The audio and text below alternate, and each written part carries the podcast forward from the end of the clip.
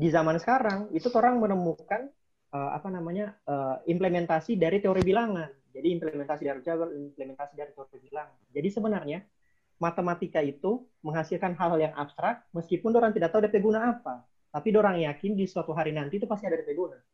Nah, nah iya. pada akhirnya kalau pada akhirnya kalau misal mau ditanya Pak Ana pribadi, kalau misal matematika itu sebenarnya bicara tentang apa?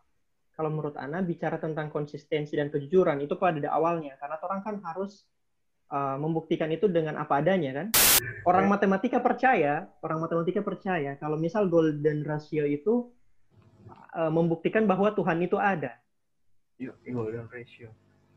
Iya, jadi jadi begini, hmm. macam begini perbandingan antara panjang tangan sama panjang kaki itu akan menghasilkan nilai golden ratio. Golden ratio itu 1,618 sekian lah. Begitu. Kita Jadi di dunia ini, iya di dunia ini terkenal sekali itu terkenal sekali. Jadi dunia ini orang mau ambil apa namanya misal perbandingan kelopak bunga sama DP apa itu pasti mau dapat itu golden ratio itu. Entah kenapa. Podcast membangun negeri.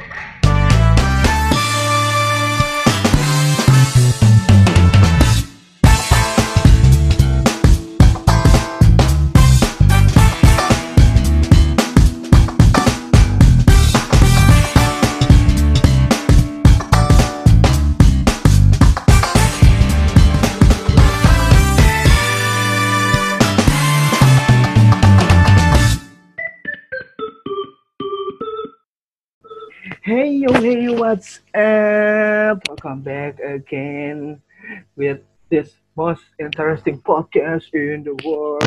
This is your host, I Arsyad. Dan Zai. Tada.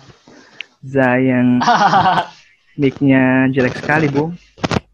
Selamat datang kembali ya, di podcast. Iya, ada kena teknis. Masalah Bagaimana op Bagaimana opening kita, Bung Zai? Keren sekali kan? Eh?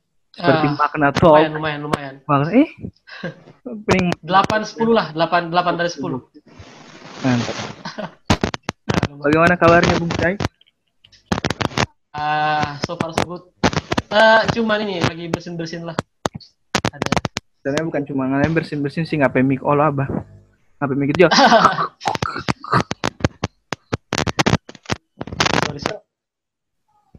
Oke oke. Oke. Okay. Uh, hari ini kita bakal bahas apa, I? Tentu saja seperti biasa, seperti di om omongan-omongan di episode sebelumnya. Kalau cuma orang dua kan yang mendengarkan cuma sembilan orang. nah, ya orang memanggil lagi satu orang untuk pansos bro. Itu hari ini akan membahas iya, betul, betul.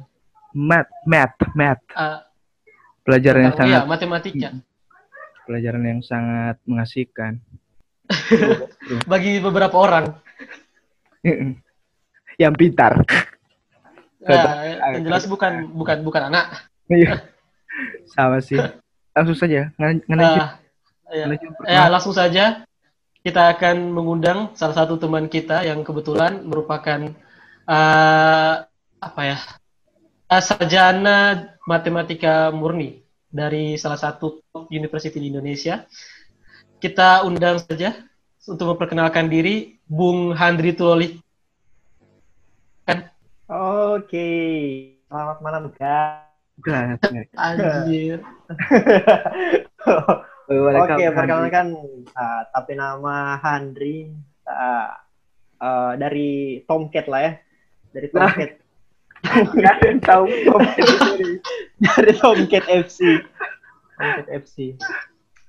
Uh, sejak 2015 lah uh, kuliah di apa namanya uh, matematik. Jadi sesuai dengan tema, jadi saya kuliahnya di matematik gitu. Hmm.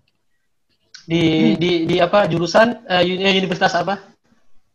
Di uh, UB UB Universitas Barcelona. UB. Wah, keren. Uh, Spanyol.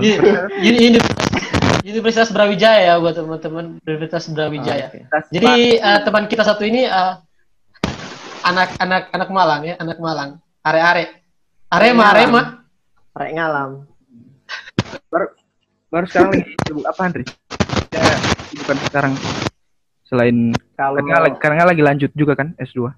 Iya, kalau sekarang anak pokoknya kayaknya empat bulan kemarin ini anak ini apa kan uh, selesai itu semester Hmm. kemarin jadi libur terus Hmm. bertepatan dengan corona Bertepatan ya.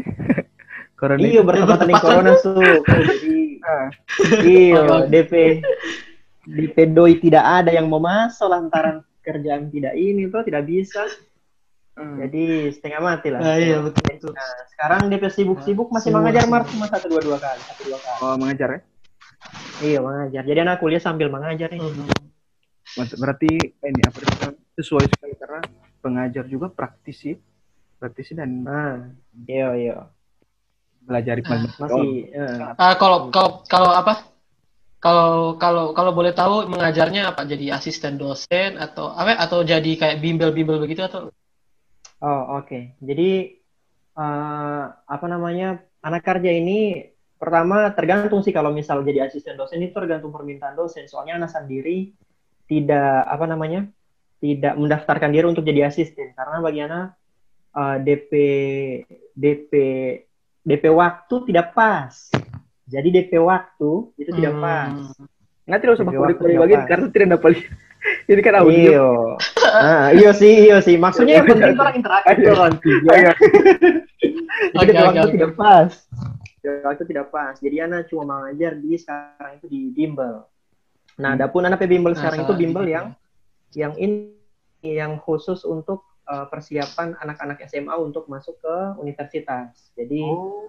untuk anak-anak di kelas 3 SMA atau yang gap year. Jadi dorang itu lulus tahun kemarin, baru dorang nganggur satu Hmm. tahun untuk daftar. Nah, biasanya orang-orang ambis macam dorang ini yang tembak-tembak ini kedokteran, begitu-begitu.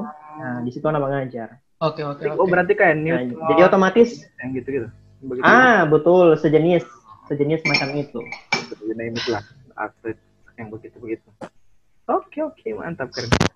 Oke oke oke. Jadi ah, nah rasa cukup sih untuk dia punya untuk latar belakang dan kegiatan saat ini.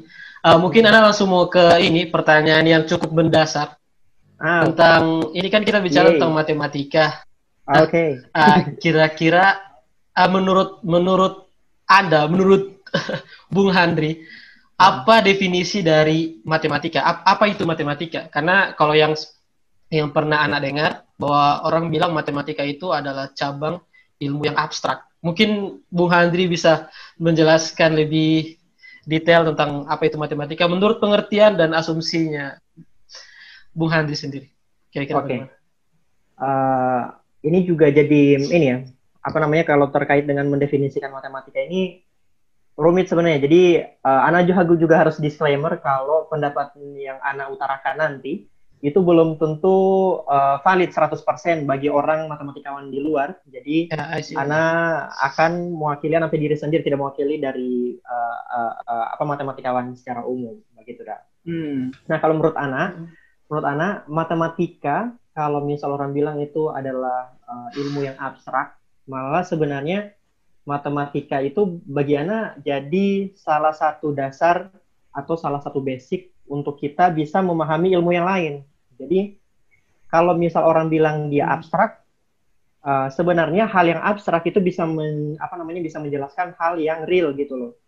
Jadi memang kebanyakan apa namanya matematika itu pengembangannya itu uh, kebanyakan di abstrak. Bahkan kalau misal uh, ini kita sedikit cerita juga ada ilmuwan DP nama Hardy kalau nggak salah Hardy. Kalau misal ngonit pernah nonton film DP nama kayak Ramanujan. Ngonit tahu Ramanujan Ramanujan. yang orang India itu dan yang mana itu? ya? Yang Ramanujan dia Oh, bukan uh, yang salah satu ilmuwan bukan yang dia anu mana jadi jadi apa jadi di di London Iya, itu dia betul, diterima betul. di London dia meninggal apa karena? TBC yang itu Iya.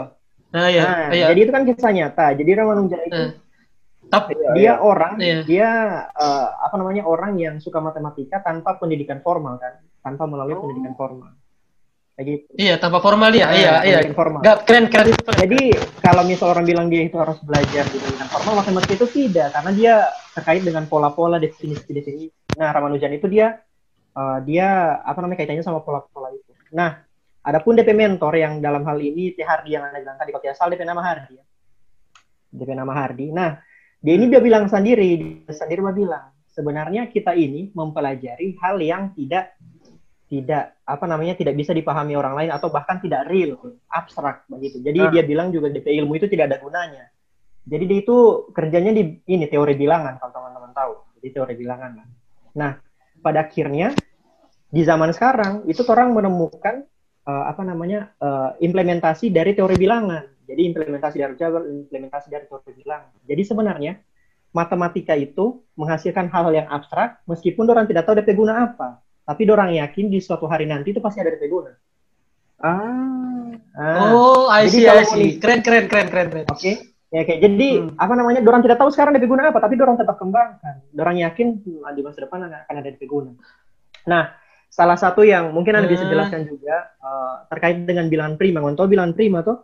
oke. Jadi iya. bilangan Bilangan yang prima sehat, itu eh. Bilangan Eh, yang iya, iya. yang prima sehat. Yoman. Jadi bilangan prima itu kan bilangan yang habis dibagi. Tunggu Andri. Oke, oke. Lanjut, lanjut. Eh, dapat dengar kita oke. suara lancar atau tak Tidak, sendak-sendak? Lancar, lancar, lancar. Oh, oke. Jadi bilangan prima itu kan yang Lancar, cuma, lancar, lancar. yang cuma habis dibagi satu dengan dua, eh dengan dengan dirinya sendiri toh. Contohnya angka dua begitu begitu. Nah, Dengan bilang itu sendiri, iya. mm-mm. jadi eh, salah satu harapan dari bilangan prima kalau mau tahu sebenarnya dari ini enkripsi sama deskripsi. Jadi kode-kode begitu. Ah? Misal, iya. Jadi misal perusahaan itu Hmm. kan tidak mau kan DP data kan bocor. Jadi dia pakai enkripsi begitu kan. Hmm. Nah, salah satu penerapannya dia pakai bilangan prima. Tapi bukan bilangan prima yang kecil-kecil yang besar. Mungkin eh, satu juta triliun di belakang apa kali 10 eh, 10 pangkat eh, satu juta triliun gitu begitu. Jadi besar sekali bilangan prima. Pusing kita Nah, aja. jadi eh, eh, jadi orang itu Oh, cuma tahu. DP kunci. Mm nggak gitu lah. Jadi ada DP lubang kunci, tapi kan orang tidak punya kunci. Nah, kuncinya itu salah satunya itu pakai bilangan prima begitu begitu. Oh. Jadi sebenarnya banyak lah DP ini. Pada akhirnya Teh Hardi yang dulu itu dia bilang DP ilmu tidak ada guna, karena dia rasa memang juga abstrak, akhirnya sekarang malah jadi ilmu yang uh, berguna sekali. Begitu. Jadi sebenarnya Nah, kalau anak, menurut anak, anak, hmm, anak, anak pen- penasaran dengan dengan Tihardi punya apa implementasi itu, maksudnya di bagian mana? Yang nyatanya teori bilangan. oke. Oke, nah jadi dia apa namanya kalau teori bilangan, jadi ada yang menarik di sana itu uh, khusus bicara tentang bilangan prima, bilangan prima. Jadi bilangan prima ini banyak sekali pola, banyak sekali pola. Baru banyak sekali Hmm. teorema, banyak sekali dibuktikan. Tapi kan dorang kan tidak secara langsung ini apa DP guna begitu kan? Hmm. Bilangan prima ini apa DP guna? Cuma kan dorang kan lihat pola toh. Lihat pola, Iya, dorang iya. lihat "Ih, ini pola ini kayaknya bagus, begitu ada pola. Sama kayak kalau misal ngoni tahu ada barisan Fibonacci lah, itu kan termasuk barisan bilangan kan. Fibonacci ngoni tahu? Hmm. Iya, Ah, itu yang apa Fibonacci. yang bagi segitiga begitu, satu, satu, dua, begitu pangkat-pangkat begitu. Ah, oh kalau itu Pascal, Iya, kayak- kalau itu Pascal. Oh, itu Pascal. Ah, Kalau Fibonacci itu kalau kalau Fibonacci itu dia ini apa namanya unik dia. Jadi misal DP barisan satu, satu, abis itu dua, satu tambah dua, abis itu tiga, abis tiga itu lima karena dua tambah tiga lima. Jadi dua dua jumlahan bilangan sebelum sebelumnya. Begitu. Baru taruh kita taruh di tengah. Ah, ah, pokoknya begitulah. Begitu Eh, DP. Nah eh. Fibonacci ini kalau mau tahu dia unik sekali. Kenapa dia unik? Karena Fibonacci itu melambangkan kelopak-kelopak bunga yang ada di dunia. Jadi kelopak yang bunga yang ada di dunia, iya kelopak Amazing. bunga di dunia. Kelopak bunga yang ada di dunia itu cuma berkisar yaitu DP kelopak 3, DP kelopak 5, habis itu DP kelopak berapa tadi? 3 tambah 5 berapa? 8 dan seterusnya. Lap- Jadi Lapan. tidak eh, tidak bakal melenceng dari sana. Jadi Oh, eh, iya. terlalu indah sebenarnya, terlalu indah sebenarnya kalau misalnya pure matematik. Karena Terlalu indah ya. karena ada ini iyo jadi pada akhirnya nah nah pada akhirnya kalau pa- pada akhirnya kalau misal mau ditanya Pak Ana pribadi kalau misal matematika itu sebenarnya bicara tentang apa? Kalau menurut Ana bicara tentang konsistensi dan kejujuran itu pada awalnya. Karena orang kan harus uh, membuktikan itu dengan apa adanya kan? Tidak bisa orang Hmm. uh, ini kan? Gitu. jadi bicara tentang uh, apa namanya konsistensi sama kejujuran. Di sisi yang lain Ana juga percaya bahwa matematika ini merupakan dasar dari uh, apa namanya dari seorang manusia yang uh, bisa berpikir logis, kritis dan juga kronologis. Jadi implementasi dari apa konsisten sama ini itu Ana rasa di bagian sana. Kalau mau ngoni tahu juga pengambilan keputusan di di hukum misal pengacara itu pakai logika matematik. Hmm. yang implikasi begitu-begitu itu kan pakai logika matematik. Jadi Iya, banyak iya, lagi. Mm-mm. Apa ya? Hmm. Bahkan ada yang bilang kan, bahkan ada yang bilang kan, ilmu itu kalau misal cuma ada dua, maka eh, apa namanya itu ada filsafat yang awalnya itu cuma ada filsafat sama matematik. Udah itu dua, setelahnya berkembang. Gitu. Kalau Hmm. Mm-mm.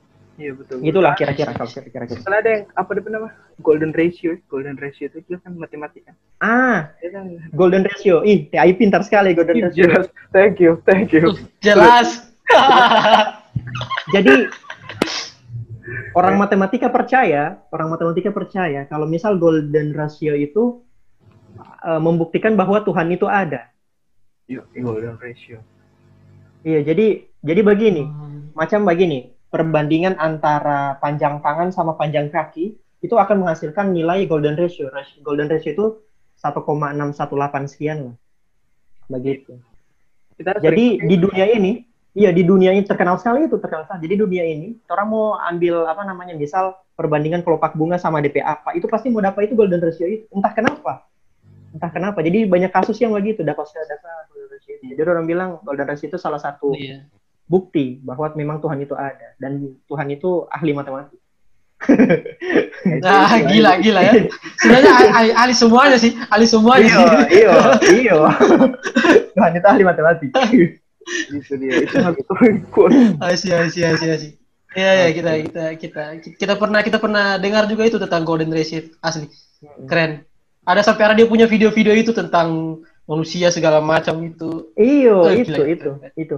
Gila Kita- sih memang. Kita jaga pakai oleh itu kalau di gambar di ilustrasi. Golden ratio.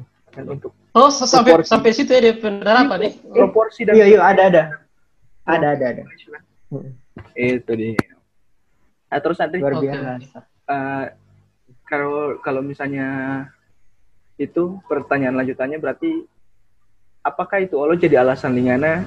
Maksudnya kayaknya kayaknya terlalu jauh sih sebenarnya. Apa yang kita mau tanya waktu nggak memilih matematika dari pada jurusan lain Allah itu jadi pertimbangan Lingana tidak di awal atau Oh, oke. atau ya ada hal lain?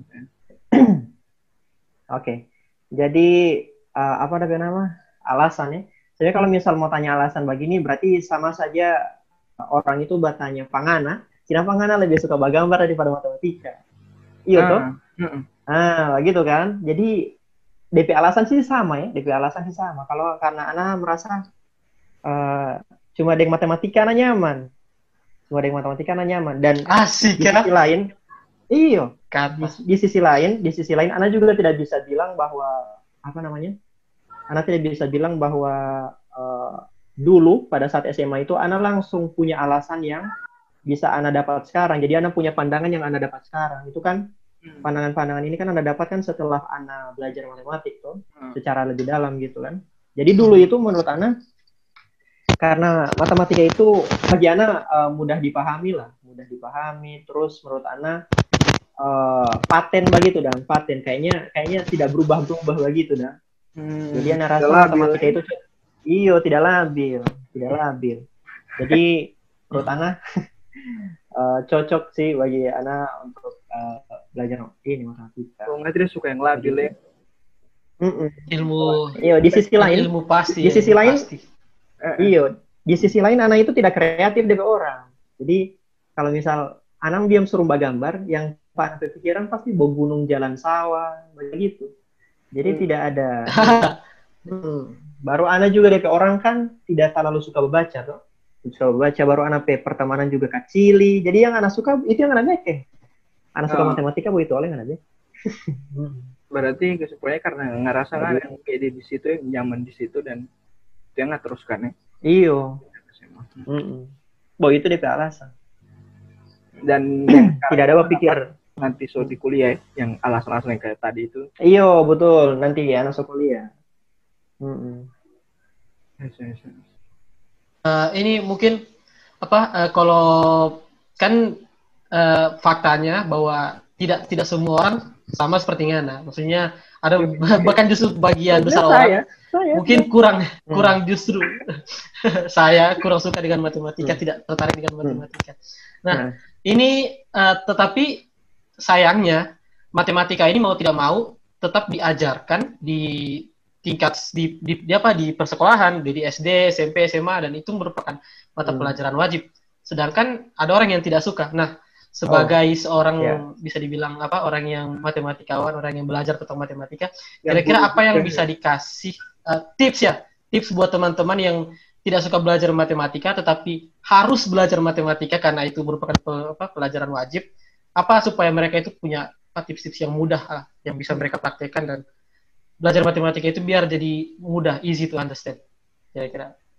Oke, oke. Kalau menurut Ana, eh, caranya bisa beda-beda ya. Caranya bisa beda-beda. Tapi salah satu yang bisa mempermudah orang kalau misal mau belajar matematik, itu orang harus tahu dulu DP esensi orang belajar matematik itu untuk apa. Itu jadi paling penting.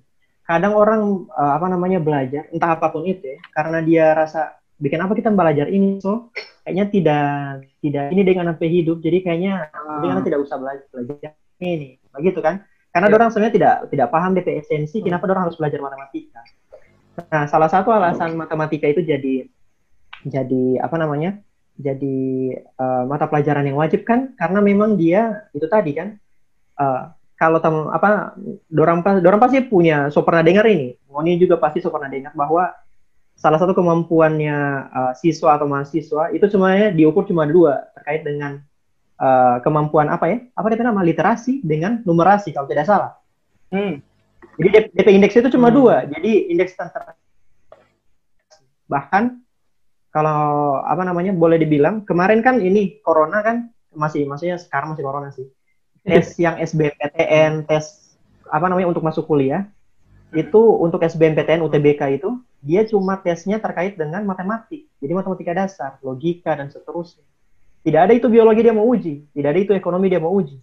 Yang dia mau uji itu cuma matematika. Hmm. Nah, dari sana sebenarnya orang bisa ambil ini sih, bisa ambil bisa ambil apa pandangan sebenarnya apa DP alasan orang harus belajar matematika. Jadi kalau menurut Ana, kenapa Ngoni harus belajar matematika? Karena Ngoni itu eh, biar bisa eh, apa namanya paham terkait dengan eh, prosedur, terus konsistensi, terus Ngoni juga bisa belajar bagaimana itu ber, apa berpikir logis. Karena itu penting sekali di mana pun Ngoni eh, di bidang apa pun ngoni, maka berpikir logis, konsisten itu sangat amat diperlukan. Sebenarnya itu esensi dari matematika menurut Ana. Tidak perlu dalam-dalam, tidak perlu dalam-dalam. Bahkan kalau menurut Ana sekarang, kalaupun eh, matematika yang terlalu luas itu mau dihilangkan begitu ya, mau dihilangkan. Kira-kira pelajaran apa? Kira-kira eh, apa namanya materi apa yang cocok untuk diberikan kepada siswa secara umum? Menurut bagi Ana, logika matematika, bahwa itu, bahwa satu itu, itu paling penting. Menurut Ana sampai sekarang Ana apa namanya di matematika, yang paling penting adalah logika matematika. Hmm. Serius, itu karena logika matematika itu dia terkait dengan argumen benar atau salah, bagaimana orang menyimpulkan, bagaimana orang mengingkari pernyataan. Nah, itu kan bisa orang apa aplikasikan di banyak di banyak di banyak inilah, di banyak bidang. Nah, jadi kalau misal mau ditanya Pak Ana, kira-kira Hmm. kira-kira DP tips apa buat belajar matematika? Udah. Pertama Ngoni harus paham dulu DP DP ini itu tadi DP esensi itu tadi. Setelah Ngoni paham DP esensi, eh, apa namanya? Ngoni pahami DP konsep. Ngoni pahami DP konsep. Karena ini kan Anda tidak tahu ini pertanyaan ini supaya dorang paham atau bagaimana ya. Cuma menurut Anda pahami saya DP konsep. Tidak usah terlalu paksa. Tidak semua orang harus jago matematika. Itu kan yang penting Ngoni apa namanya Ngoni paham. Karena rasa sudah selesai terkait dengan urusan matematika. Gitu Hmm. tidak perlu secara penuh menurut Ana. Udah sih begitu. Berarti ini ya. Tergantung tergantung guru juga ya, tergantung guru juga ya. Ah, ini ah itu itu jadi masalah sih sebenarnya. Jadi masalah karena eh, di sistemnya kita, ini jadi bahas bahas pendidikan jadinya, Kalau Hmm. kalau mau menyenggol sedikit. ya kan? Orang kan di- eh, eh, mahasiswa kan eh, DP siswa kan ada banyak, tapi eh, orang ikan yang dia suruh terbang toh, iya kan? Hmm. Tahu-tahu kita ikan Hmm. yang suruh terbang. Karena suruh Iya. kita berenang, nah itu kita jago. Tahu-tahu kita ikan kan Hmm. namanya suruh terbang. Kecuali Gitu. kita ikan Jadi- terbang, eh? Kecuali ikan terbang. Ikan terbang. Indonesian. Kecuali ikan. Eh, terbang. bisa terbang dan berenang. Iyo, ikan terbang. Ausut. Eh, Iyo pak. Oh, terus Andri? Nah tapi itu sih jadi jadi masalah di sana. ya itu kalau misal dia masalah di gurunya tergantung kayak apa Tezai bilang kan tergantung dengan guru Hmm. ya jelas tergantung iya betul sih tergantung guru karena orang kan apalagi tuh orang sekarang ini kan kejar nilai itu kejar angka tuh bukan kejar Iya, punya kejar paham. iya bukan kejar DP paham Hmm. bukan kejar nilai karena apa kepentingan kepentingan oke, macam oke. orang mau masuk univ seterusnya. Berarti kalau orang di Hmm. dunia ini yang selama sampai orang mati, yang orang cuma tahu untuk di matematika itu yang cuma perlu itu, maksudnya paling tidak orang cuma meski orang tahu logika logika dengan tambah kurang itu Andre itu dia yang yang mau ngatakan kan tadi. Iya, jadi pokoknya logika matematika, analisis sederhana-sederhana begitu, anak Hmm. rasa eh, apa namanya mengikuti. Yang penting logika matematika itu kuat. Contohnya begini. Hmm. Contohnya begini, torang coba torang bicara agak serius. Weh, nah. Sebenarnya ada kan pernyataan dari Le ini, Le Rocky Gerung yang kayaknya mau masih ingat. Dia bilang begini, jika kitab suci itu mengaktifkan imajinasi, maka maka uh, kitab suci itu fiksi. Mau masih ingat itu dari Oh iya iya iya. Hmm. Iya, iya, iya. Kontrol- Iya, pastilah karena itu sangat kontroversial. Nah, kontroversial. Nah, menurutmu ini bagaimana? Menurutmu ini bagaimana? Eh, Ini logika logika jika maka toh. Iya, logika jika maka ini logika Apa? sederhana. Jadi, jadi sebenarnya kalau anak SMA so lulus ini logika, dia mau bilang apa yang Rocky Gerung itu bilang itu benar. Karena ada sebenarnya ada konsekuensi. Nah itu Hmm. orang yang komen itu lantaran dorang bawa perasaan, dorang tidak bawa dorang logika. Oh, Sementara kan di sana itu kan diskusi Hmm. argumen tuh, diskusi argumen. Hmm. Nah, menurutmu ini bagaimana? Menurutmu ini bagaimana? Menurutmu ini bagaimana? Supaya tak blok satu kali nih di podcast. kayaknya adalah podcast terakhir. podcast terakhir. Eh, kalau kalau Ana sih kan kalau kalau kalau yang waktu di SMA kan mungkin itu jika maka itu kan ada DP kayak DP rumus-rumus toh. Nah itu kita, Hmm. kita selalu lupa. Cuman kalau kita lihat dari pernyataan saja murni, jika Al-Quran itu mengaktifkan Eh, imajinasi. jika kitab suci apa, Bu? Maka- Tidak ada jika Al-Quran. Jika kitab Eh, suci. jika jauh, jauh, bukan, bukan, Eh, bukan. eh, Sorry, sorry, sorry. Jika kitab suci mengaktifkan, astagfirullah. Nanti semua ada kaum gurun, astagfirullah. Eh, Jika jika kitab suci mengaktifkan imajinasi, maka uh, uh, kitab suci adalah fiksi. fiksi. Mm. Ah, menurut kita Mm. tidak, men- menurut kita tidak. Tapi maybe, maybe menurut kita tidak, menurut kita tidak. Hmm. Nah, jadi sebenarnya Teroke Gerung itu kan dia sebelum Mbak bilang statement itu, dia sudah definisikan duluan. Semua yang mengaktifkan imajinasi itu fiksi. Jadi definisi fiksi bagi Rocky Gerung itu adalah sesuatu yang mengaktifkan imajinasi. Nah, Contohnya. Oh, berarti soal DP premis Iya, duluan. pada premis duluan. Belum ada DP. Nah, Oh, itu kan. Oh, kita kira kan tadi belum kasih DP ini. Kita belum ada tuh laboratorium premis apa. Karena karena yang trending Oke, oke, begitu, Bro. Yang trending itu cuma DP ini, DP pernyataan itu, DP premis. Di potongan. Iya. Kan biasa Ah, begitu. begitulah media. Media begitu. Nah, jadi oke, oke. Nah itu kan, sebenarnya kalau misal orang bersandar pada logika matematik, yang dibilang Teroki Gurung itu benar. Maka itu kita rasa benar sih. Iya, Kita rasa benar ya. karena ada Ada argumen premisnya awal. situ toh. Iya, ada premis awal. Hmm. Jadi, nah kalau di matematika premis awal itu jadi hal yang benar, diasumsikan benar. Contohnya, Ah. ikan paus itu berlari-lari di jalan. Nah, di dalam matematika, orang harus asum- asumsikan, oh, anggap aja itu betul. Baru orang mau uji DP pernyataan benar atau tidak. Begitu.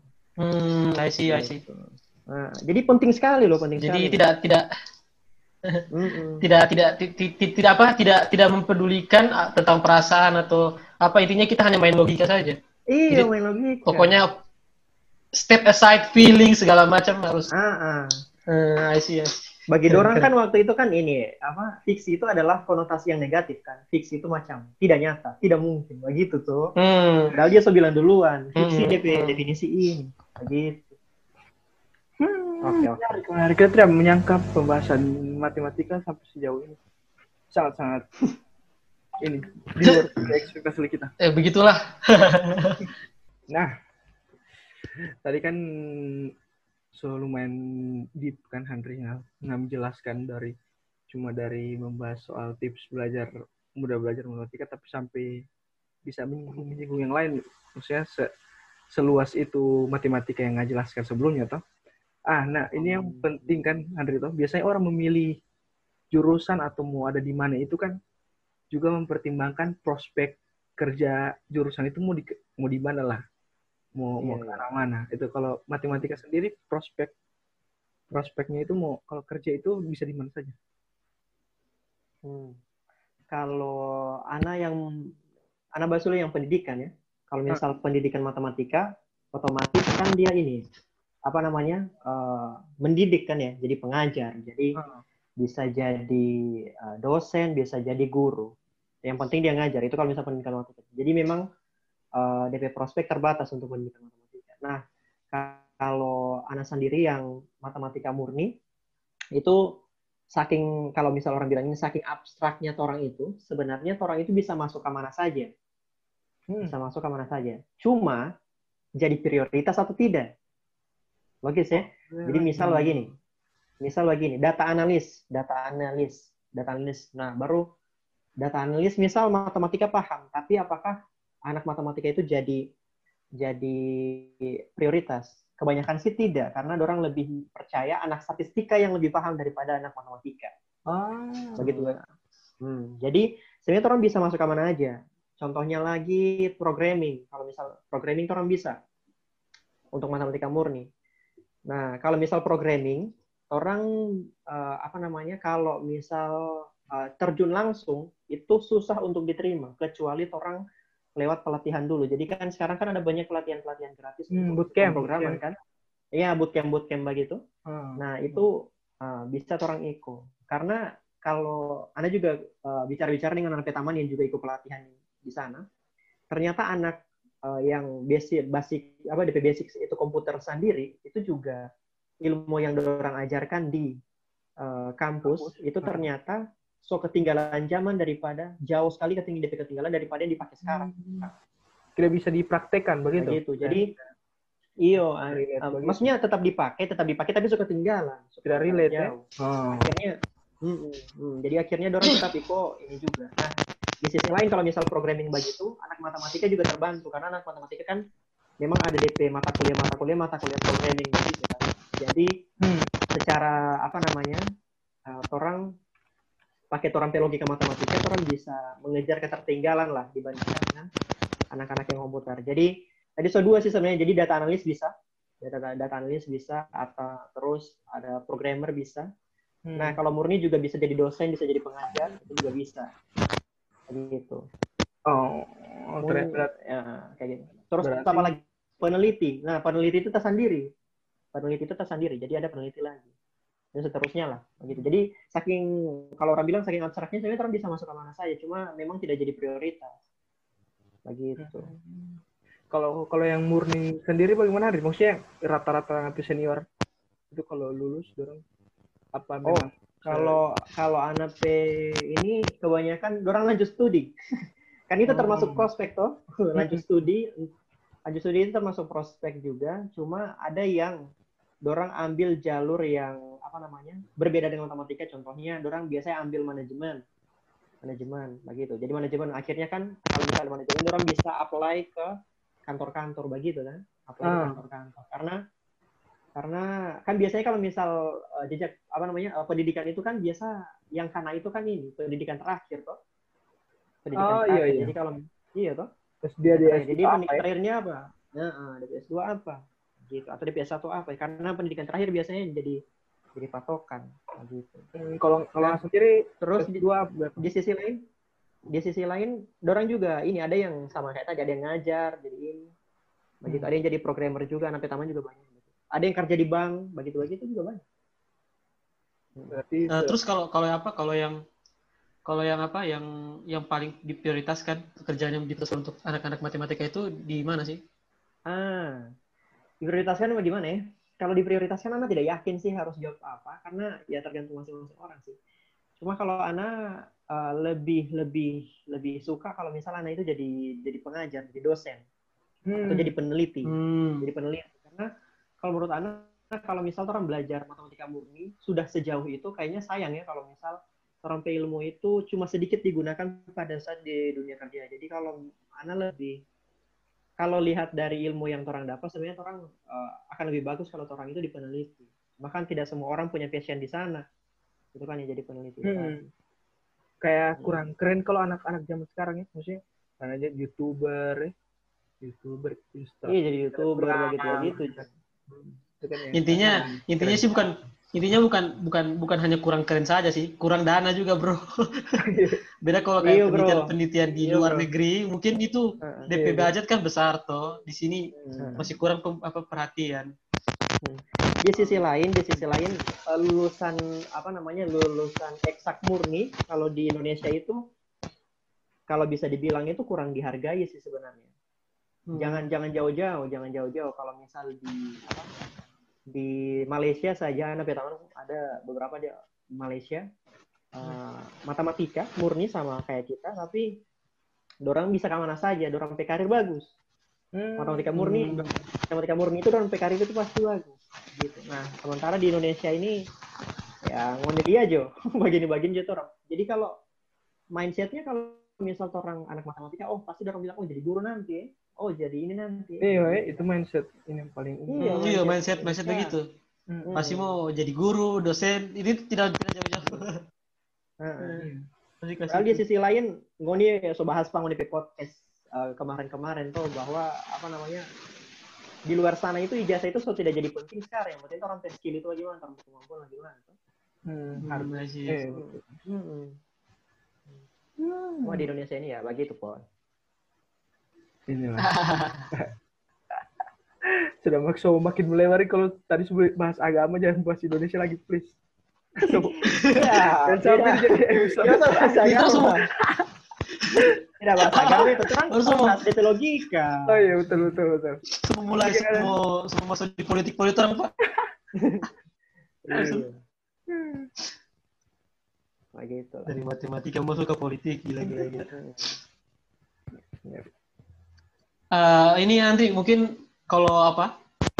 Kalau kan tadi eh, bilang bahwa matematika itu bisa bisa di jurusan bisa di hampir di semua bidang bisa lah dipakai. Ah, ah. Nah, tapi kalau menurut menurut Ngana eh, dengan mempertimbangkan apa eh, zaman sekarang ini di mana teknologi di mana yang paling dibutuhkan itu kayak ada yang paling dibutuhkan itu kayak skill-skill yang spesifik seperti kayak kalau programming dia bukan hanya programming saja tapi bahkan sampai spesifik tahu bisa bahasa Java yang harus Hmm. Java ada yang Kotlin ada yang sampai spesifik itu Ya. Uh, kira-kira pros- Iya, apa lulusan matematika itu ke depannya itu bagaimana? Maksudnya uh, apakah masih ada tempat buat anak-anak jurusan matematika murni di apa di di masa depan? Kalau matematika pendidikan kita yakin pasti masih ada karena pendidikan itu penting sekali dan selalu ada terus dari dari generasi. Uh, cuma matematika murni ini kita agak agak bagaimana? Agak agak agak kurang yakin. Dan kalaupun ada, kira-kira kita itu masuk di matematika murni kira-kira harus harus masuk ke harus fokus di bidang apa? Maksudnya kalau kayak ada di jurusan itu mungkin ada dia punya spesifikasi gitu mungkin kalau seandainya ada di matematika murni itu masuk di spesifikasi mana? Bagaimana Oke oke. menurutnya? Oke kalau anak saran misal orang so terjun nih, so di matematika murni itu orang saran. Kan tadi pertanyaannya Hmm. eh, kira-kira mau ke mana ya masih ada tempat tidak ini anak matematika murni? Kalau Hmm. menurut anak masih banyak sekali tempat. Apalagi sekarang itu kalau misal Hmm. eh, ini pasti ini tahu lah, yang sekarang lagi hype-nya itu kan data science ya. Data science. Sekarang Hmm, semua data itu main science. data. Sekarang eh, sekarang semua itu main data dan apa namanya untuk paham data, untuk paham apa namanya mengolah data itu terkait dengan software, terkait dengan software itu bisa kalau ngoni pelajari sendiri, tapi terkait dengan cara mengolahnya, apa yang harus diolah, kenapa dia pakai metode ini dan sebagainya itu cuma ngoni mau dapat di matematika sama statistika murni, begitu. Maksudnya Hmm. bisa dapat itu di, di yang lain gitu. Jadi sebenarnya masih banyak tempat. Cuma kalau apa namanya matematika murni secara umum menurut anak itu masih harus ada tambahan. Jadi misal ngoni cuma lulusan matematika murni saja, itu kalau menurut anak untuk terjun ke sana, misal ke dunia pekerjaan itu butuh tambahan yang lain. Jadi contohnya macam tadi karena orang bisa programming sebenarnya, maka akan lebih lengkap kalau misal ngoni betul-betul paham yang tadi ngana bilang bahasa Java lah. Bahasa Java itu bahasa Jawa ya, Hmm. kan Hmm. Java tuh. Iya, betul. Iya bahasa Jawa. betul betul ya betul. Iya, tidak salah Iya. sih. Tapi coba gitu Iya. Tidak salah ya. Heeh. bahasa Java dan seterusnya. Jadi eh, Iko Iko pelatihan pelatihan begitu jadi rekomendasi sih buat anak yang ini. Jadi kalau menurut anak memang tidak cukup sih kalau misal cuma eh, S1 atau tiga aja tok terus ngana langsung mau ke mana begitu tidak cukup karena orang kalah langkah hitungannya kalah langkah dari yang lain gitu dari yang lain. Hmm.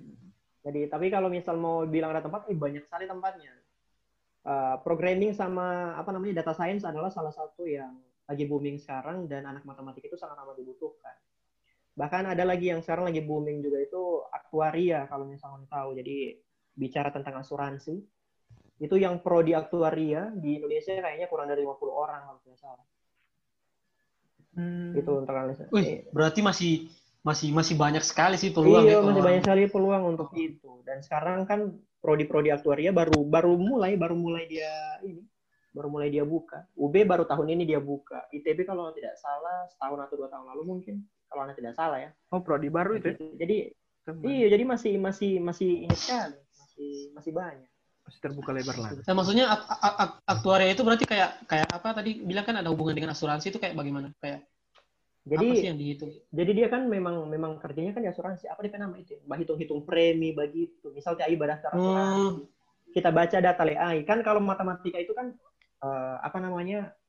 Mengolah data itu jadi penting sekali kan. Misalnya AI misalnya AI ngasih data pakai hmm. AI uh, ngerti keseharian selama satu bulan. Jadi dari jam 00 sampai 2400 ah. 2400 kasih kamar pak kita. Nah kita mau prediksinya nah uh, apa namanya misal ngana kasih paket itu data bulan Agustus. Uh, nah kita mau prediksi tanggal 1 September tanggal 1 September itu ngana jam 9 mbak apa?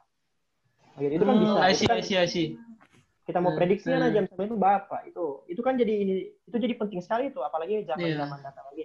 Nah kalau Berarti ada hubungan kayak pola-pola begitu ya? Iyo. Kalau misal TAI begini mungkin uh, karena nggak kasih kamarnya periode uh, apa kesehatan atau nggak nanti ini nggak jarang apa olahraga bagaimana oh jadi kita kalau misalnya keluarga kita mau prediksi nggak ini 10 tahun lagi nggak habis nggak naik tidak mau lama dan tidak mau lama. dan dan dan, dan, dan ini dan uh, menurut, menurut kita ini sih menarik sih menarik sih karena karena apa aktoria berarti kayak ngana menyimpulkan bahwa uh, ini profesi aktoria ini dia kayak apa mengubah data-data kualitatif menjadi kayak iya. angka dan dan dan jadi kayak bisa bisa dibikin angka itu menurut kita itu keren sih.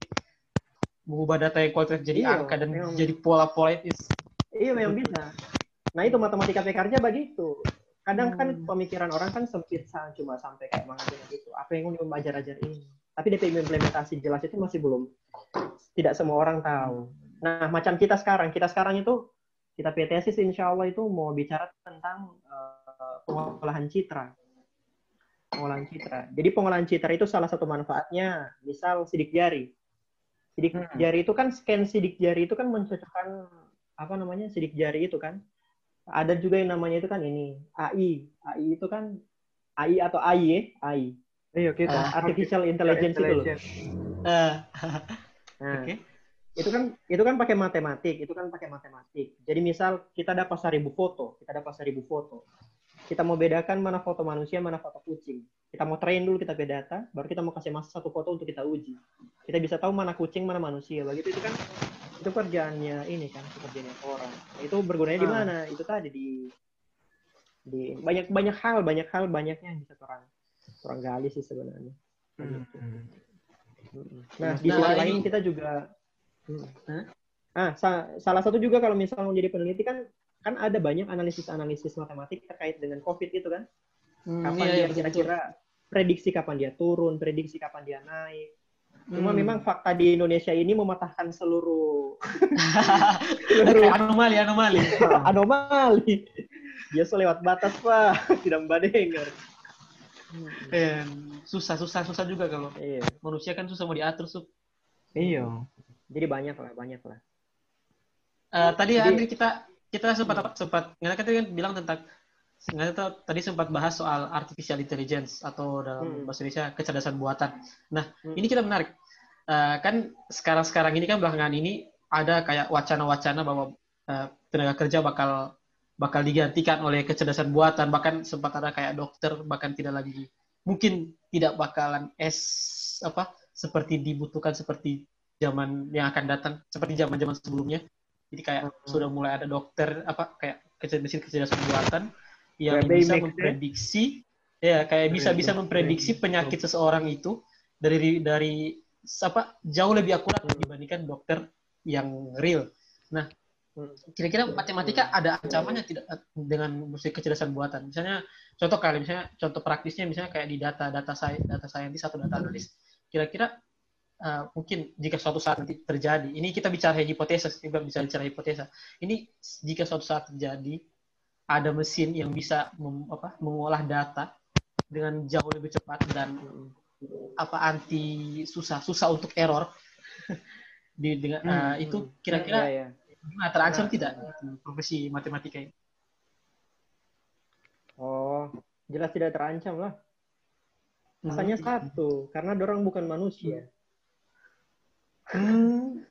Alasannya karena dorang bukan manusia. Jadi kalau kalau robot itu, a- Anda tidak tahu perkembangan sekarang ya. Tapi biasanya rob, apa namanya artificial intelligence itu dia kalau kayak neural network begitu, dia butuh data dulu, baru dia bisa memprediksi atau mengklasifikasi. Jadi contohnya, misal kita punya 500 foto manusia sama 500 foto kucing. Nah, foto kasari ke 101 itu kita mau kasih masuk ke dia, nggak kenal tidak ini, ini manusia atau kucing. Begitu. Berdasarkan dia latihan dulu, dia latihan dulu di data yang sebelumnya. Iya iya iya, latihan iya iya. Nah. iya, iya. Nah, dia latihan dulu, dia train dulu DP data. Nah, sementara kalau misal orang uh, manusia itu terlanjur apa terlanggar spesial sih. Uh, orang itu dibuat eh, ini sekali, kompleks sekali. Jadi orang tidak butuh banyak data untuk membedakan mana kucing mana mana manusia. Sekali orang lihat, oh kucing ini begini, manusia ini begini, orang bisa membedakannya. Sama kayak dokter tadi yang Anda bilang, bakal tergantikan Hmm. nggak kira-kira dokter? Tidak. Karena kebanyakan penyakit itu uh, muncul itu karena kegelisahan dan ketakutan kan. Nah, dokter itu juga dia kan mengobati dengan ini kan dengan sugesti kan. Biasa kan orang itu mau lantaran sugesti itu langsung takut makanya sebuah penyakit. Hmm. Kalau misal cuma untuk sekedar memprediksi, uh, mungkin bisa jadi lebih cepat menggunakan AI begitu kan ya. Bisa menggunakan AI. Cuma itu tadi kalau menurut Ana alasan utamanya dorang itu bukan manusia makanya orang masih tetap lebih hebat dari mereka. Gitu sih. Hmm. Kalau terkait dengan apa namanya terancam tidak matematika tidak lah. Kalau kalau Yang, kalau yang kalau- mengembangkan kalau- nah, yang mengembangkan dorang kan juga matematika juga kan. Iya orang Hmm. AI itu maksudnya kan orang-orang matematika. Eh, justru kalau kalau menurut kita sih kita kita agak agak agak agak setuju dengan punya pendapat soal bahwa matem apa justru kecerdasan buatan kalau menurut kita sih kecerdasan buatan itu kayak dorang justru menghilangkan yang namanya faktor human error kan yang namanya manusia kan human error itu yang justru dihilangkan sama mesin itu sih kalau menurut kita tapi kita kita tetap tetap apa tetap tetap apa ada dapat logikanya bahwa memang I think dokter kayak dokter dan lain-lain itu masih masih sangat dibutuhkan karena faktor emosi itu yang tidak bisa didapat Iya, emosi kan dari ini dari apa dari mesin. Hmm. See, I see. Hmm. Oke, good good perspektif. Oke Andri kayaknya Justru human error itu yang ini malahan.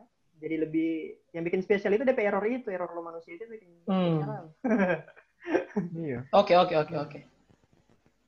Oke Andri kayaknya pertanyaan-pertanyaan menuju akhir ini pertanyaan-pertanyaan beberapa pertanyaan Hmm. menuju akhir. Eh, kira-kira kalau misalnya ada yang mendengarkan ini yang juga saya mau atau ingin masuk atau ingin Mbak Iko ngape apa jalan lah sebagai seorang apa matematika itu apa dipanggilnya apa? Mat, mat, matter apa? Matematikawan. apa kalau matematika? apa? Jadi kan. Oh iya pokoknya itulah mungkin ada nggak ada pesan-pesan bagi orang-orang yang yang mendengar, sementara mendengarkan ini mungkin ingin mengikuti jatuhnya.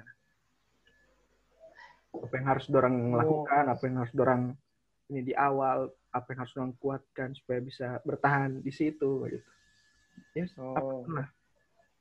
Oke, bagi Ana sih mungkin ada pesan mungkin lebih ke orang umum sih. Jadi uh, da- alih-alih Ana memastikan orang-orang yang soma so matematika, Ana rasa kalau misal orang soma so matematika memang dia suka, memang dia uh, apa namanya, memang DP hati di sana. Paling tidak ada sedikit DP hati di sana, karena ada juga yang terjebak begitu kan, terjebak gitu. Tapi di bagi Ana sendiri uh, daripada meyakinkan orang untuk tetap bertahan, Anda lebih uh, suka meyakinkan orang yang tidak suka matematika itu bahwa sebenarnya di dalam monitor kehidupan, Ngoni itu sangat amat butuh matematika dan uh, hal-hal kecil seperti logika, cara berpikir itu sebenarnya uh, adalah proses-proses uh, matematika yang Ngoni alami selama Ngoni hidup gitu. Jadi Ngoni tidak bakal lepas dari matematika. Jadi uh, apa ya?